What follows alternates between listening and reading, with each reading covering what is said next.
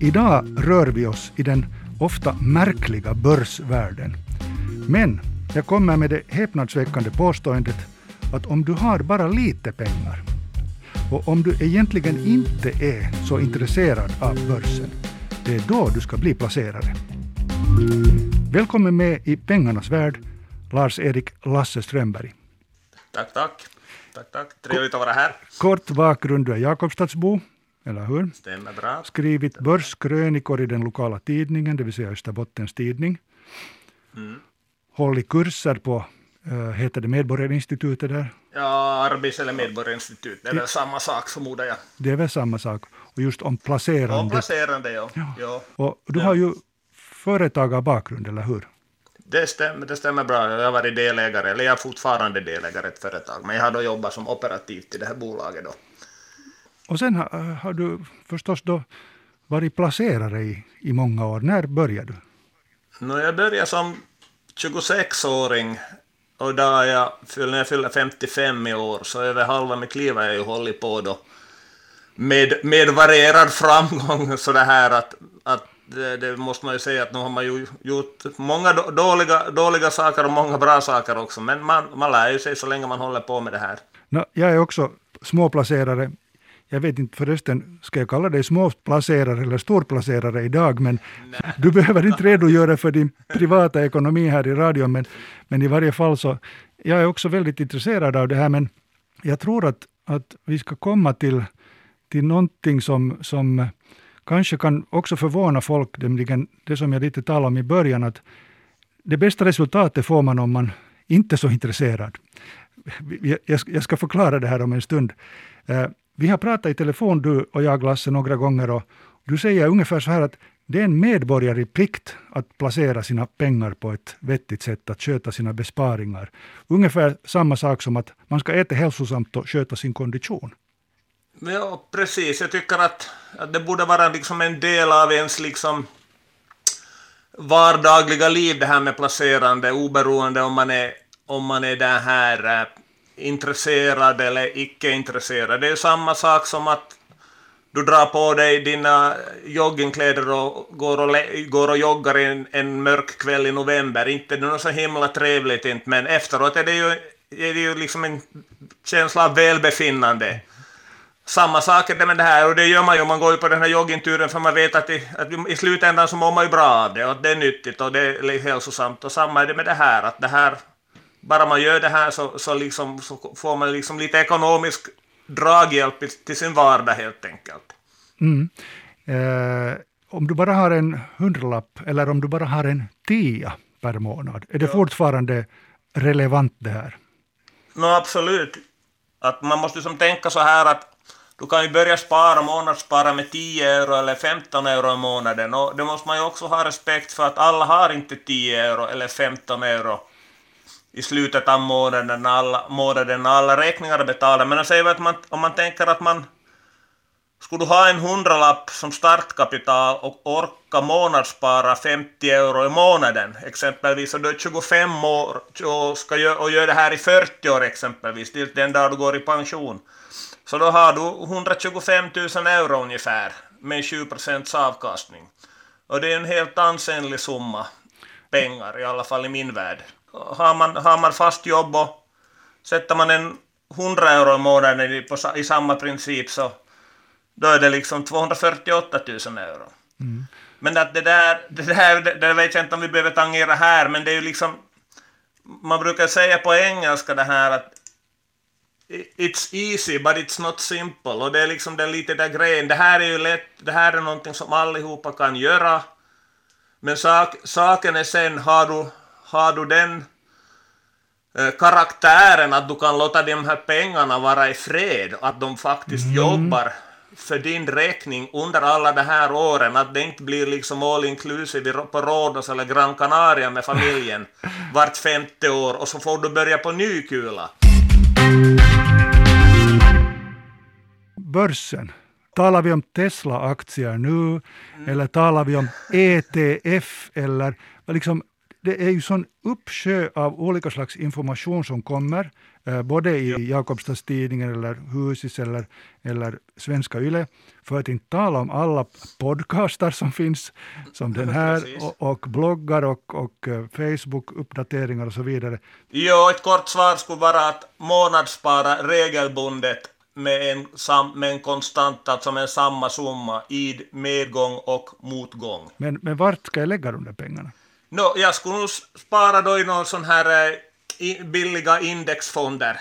Nu kan det hända att vi redan förlorar några lyssnare när du sa indexfonder. Det gjorde vi säkert. För att, vad är det här indexfonder? Var, var köper jag dem? Men där, då hittar nog de liksom att man måste vara liksom fråga efter de här produkterna liksom att jag vill, ha, jag vill spara liksom en kostnadseffektiv indexfond då, eller en så kallad ETF då. Jag tycker vi återkommer till det här alldeles Mm. konkreta om en stund. Ja.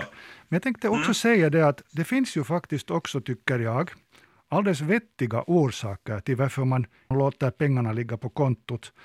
Och en orsak är känsla av risk och osäkerhet.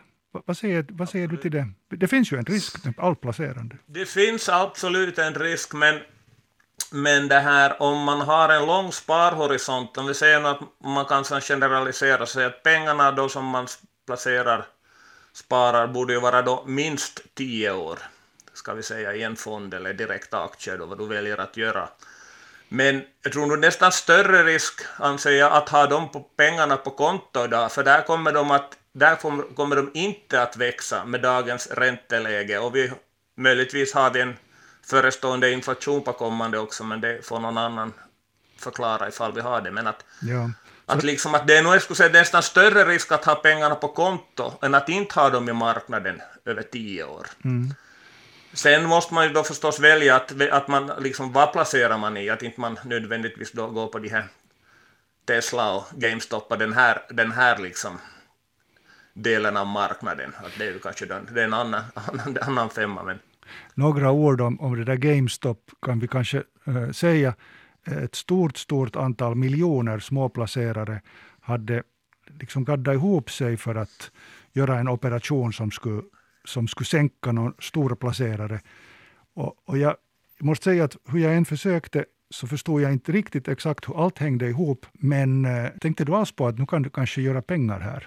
nej, jag håller mig långt bort från det, där. Det där är ingenting för mig. Och det är Va, det som varför, är, varför inte? Nej, Vill det du- är vill du som inte få bara- tjäna det är ju pengar? spe- det- Ja, det, ja, men det är som snabba, det är som man liksom, det har inte någonting med egentligen med sparande och placerande tycker jag att göra. Det är bara liksom, en, det är som spekulation och liksom det är nog lite att vara på kasino det där. Ja. Och så är det det att det finns så mycket olika liksom teknikaliteter där bakom liksom att folk Ja, du har de här hedgefonderna, liksom, man, man talar att man går kort eller går lång, då liksom det här att man shortar eller går lång en aktie. Det finns call options, sell optioner och allt sånt. Att för någon vanlig dödlig, mig inklusive, att ha, någon koll på det där liksom. Jag har inte en susning vad de håller på med. Jag är inte intresserad heller. Okej. Det där är bara det är, bara- det är en spelhåla, ingenting annat i min värld.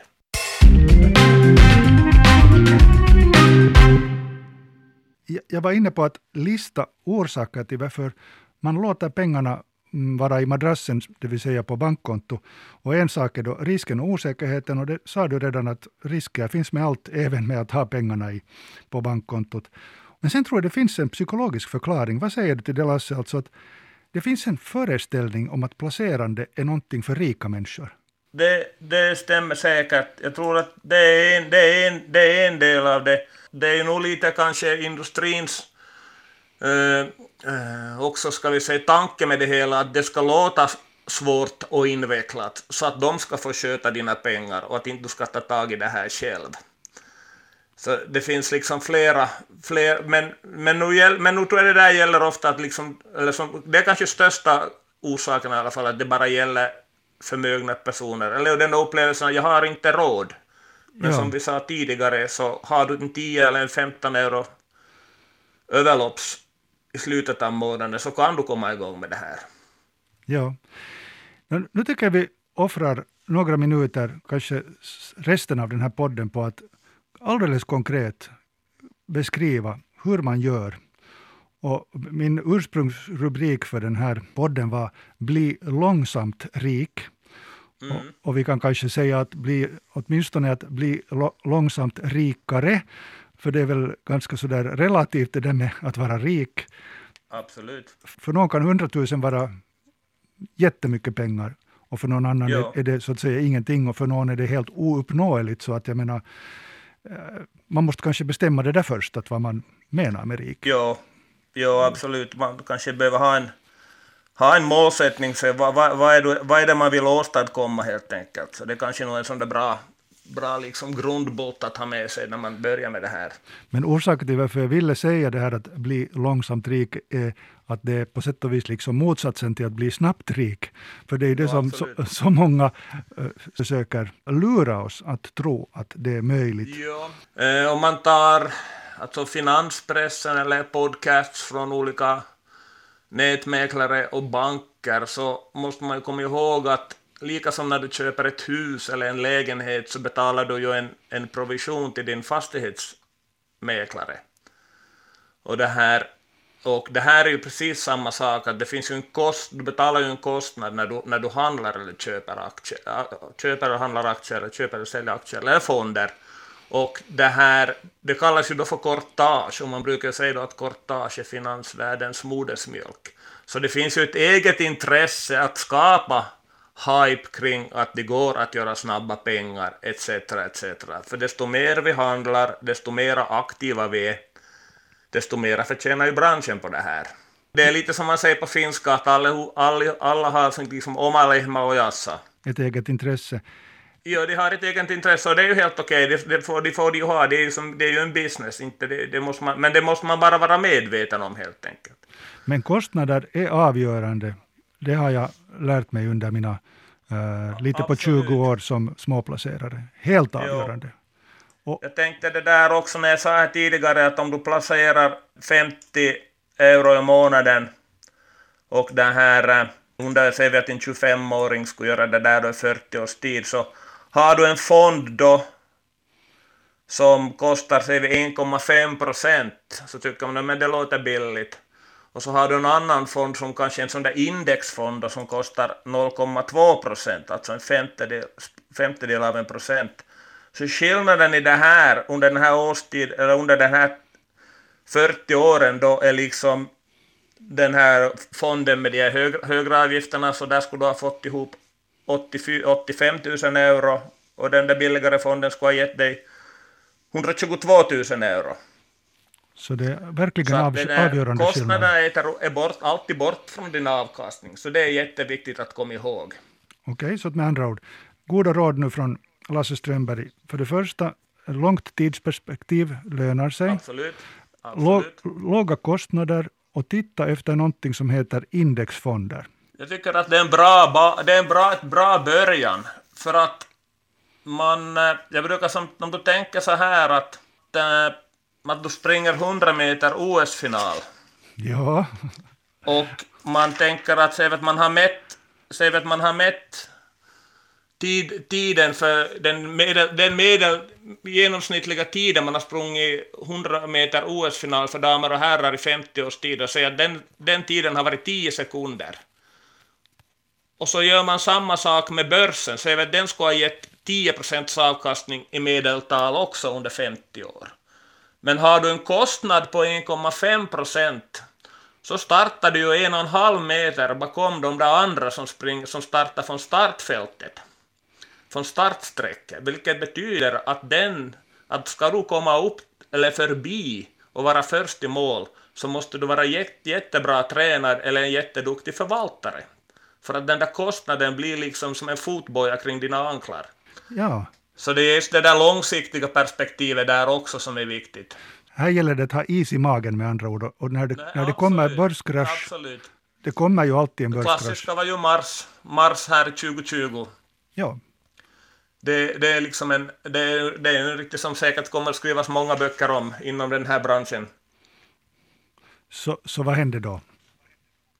Då var det, hände ju liksom, det var ju där covid-19 förstås, coronan, som, som det här, som, eh, som gjorde att placerarna, både proffsen och småspararna, dumpade sina tillgångsslag, framförallt då om vi pratar aktier här. Så att det var väl den brantaste nedgången i mannaminne, men också den snabbaste rekyl, rekylen upp tillbaka i mannaminne. Och sen har ju börsen, eller börserna tuffat på otroligt bra.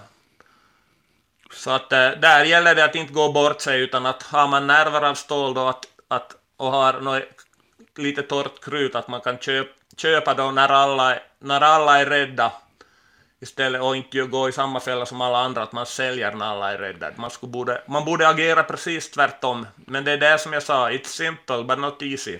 Och, och här kommer vi just till den frågan att om du inte är så hemskt intresserad, så då kan du vinna just på det att du låter bara pengarna ligga. Det vill säga du låter och dina... Köper regelbundet. Ja. Köper regelbundet. Du låter dina fonder säga att det är som en pizza, Om du tänker att det är som en pizza, att marknaden är som en pizza, och du sätter 50 euro i månaden så får du en pizzaslice som en, har en viss storlek. När det är dyrt så är din pizzaslice mindre, när det är billigt så är din pizzaslice större. Men överlag så får du den där, får du den där genomsnittliga storleken på din pizzaslice. Mm. Om du gör det regelbundet. För ibland köper du när det är billigast och ibland köper du när det är som dyrast. Men i, på långa loppet så, så liksom får du den där medelavkastningen. Och, och, det är lönsamt i längden. Det, det här har ju bevisats tusen gånger. Då får du den här ränta på ränta-effekten som man pratar om då. Och, och, det har ju bevisats tusen gånger i, i ekonomisk litteratur att låter du pengarna ligga, din placering ligga, i 30 år istället för att försöka då tajma det så att, att när börskraschen kommer så säljer du och sen försöker du köpa igen när det, när det är billigt och, och sälja när det är dyrt. Så det är då du förlorar. Absolut. Och, och, och, det, det, och det är liksom beviset för att om du är ointresserad så går det bättre än om du är intresserad. Helt klart. Helt klart. Det, jag, jag, jag är ju jätteintresserad, men jag, jag kan ju inte påstå att jag har någon att en amatör, eller ja, amatör, jag är ju själv amatör, men någon som är ointresserad skulle säkert ha många gånger haft mycket bättre avkastning än vad jag har haft. Men, men tänker du själv på dina... Mitt intresse på det viset straffar mig också. För att jag tror att jag vet, men man borde veta vad man inte vet. ja, det är ju det. Gör du, hur mycket handlar du dagligen då? Nej, jag tror jag, det går i perioder. Vissa dagar så, så har, no, nu har jag inte jag håller mig ganska lugn här, men då där, där under, från mars månad till, eh, till hösten då, så då, då var jag nog jätteaktiv. Det var jag. Köpte eller sålde? Men jag följer ju med dagligen, det gör jag liksom. Och, och om jag har som kolla om det kommer några nyheter kring de bolag jag äger eller om jag spanar på något bolag så försöker jag läsa på lite och kolla vad som händer och, och sådär. Att, men sen om det i slutändan ger något mervärde, det, det, det, det, kan man väl ifrågasätta, men jag, jag tar, det, det är som en hobby det här för mig också, så att jag tycker ju tillika att det är intressant att man lär sig lite om hur världen fungerar och sådär, att det finns ju den aspekten på det hela också. Absolut, det är intressant att uh, lära sig om bolag och, och hur de fungerar. Ja. Men har du en fond ja. så behöver du ju inte tänka på enskilda bolag, utan en, en sån Absolut inte. global fond som, som har massor med olika slags bolag, kanske geografisk spridning, så behöver du ju inte fundera överhuvudtaget. Nej, absolut inte. Det, det, är nog, det är nog en, jag skulle säga det är nog som den bästa, bästa liksom baserna, varifrån, varifrån man be behöver börja och, och behöver man ta det vidare därifrån heller om inte man är intresserad, utan det räcker riktigt bra. Det räcker till hur bra som helst. Men det är sådär när, man, när känslorna drar iväg med en och man tror att man vet någonting, men som oftast så vet man inte, vet man inte, aha, oftast har man fel, ska jag säga. Säg... Men, det här, men som sagt, att ja, det, det lägger, man får sätta det på underhållningskonto. Liksom, att det, det är liksom att det, det, det, det är liksom det här inträdesbiljetten till det här om man vill hålla på med det här. Ofta har jag fel, säger alltså den erfarna placeraren Lasse Strömberg i Jakobstad. Jättefint att du var med Lasse idag i Pengarnas värld. Oj, tusen tack för att jag fick vara med.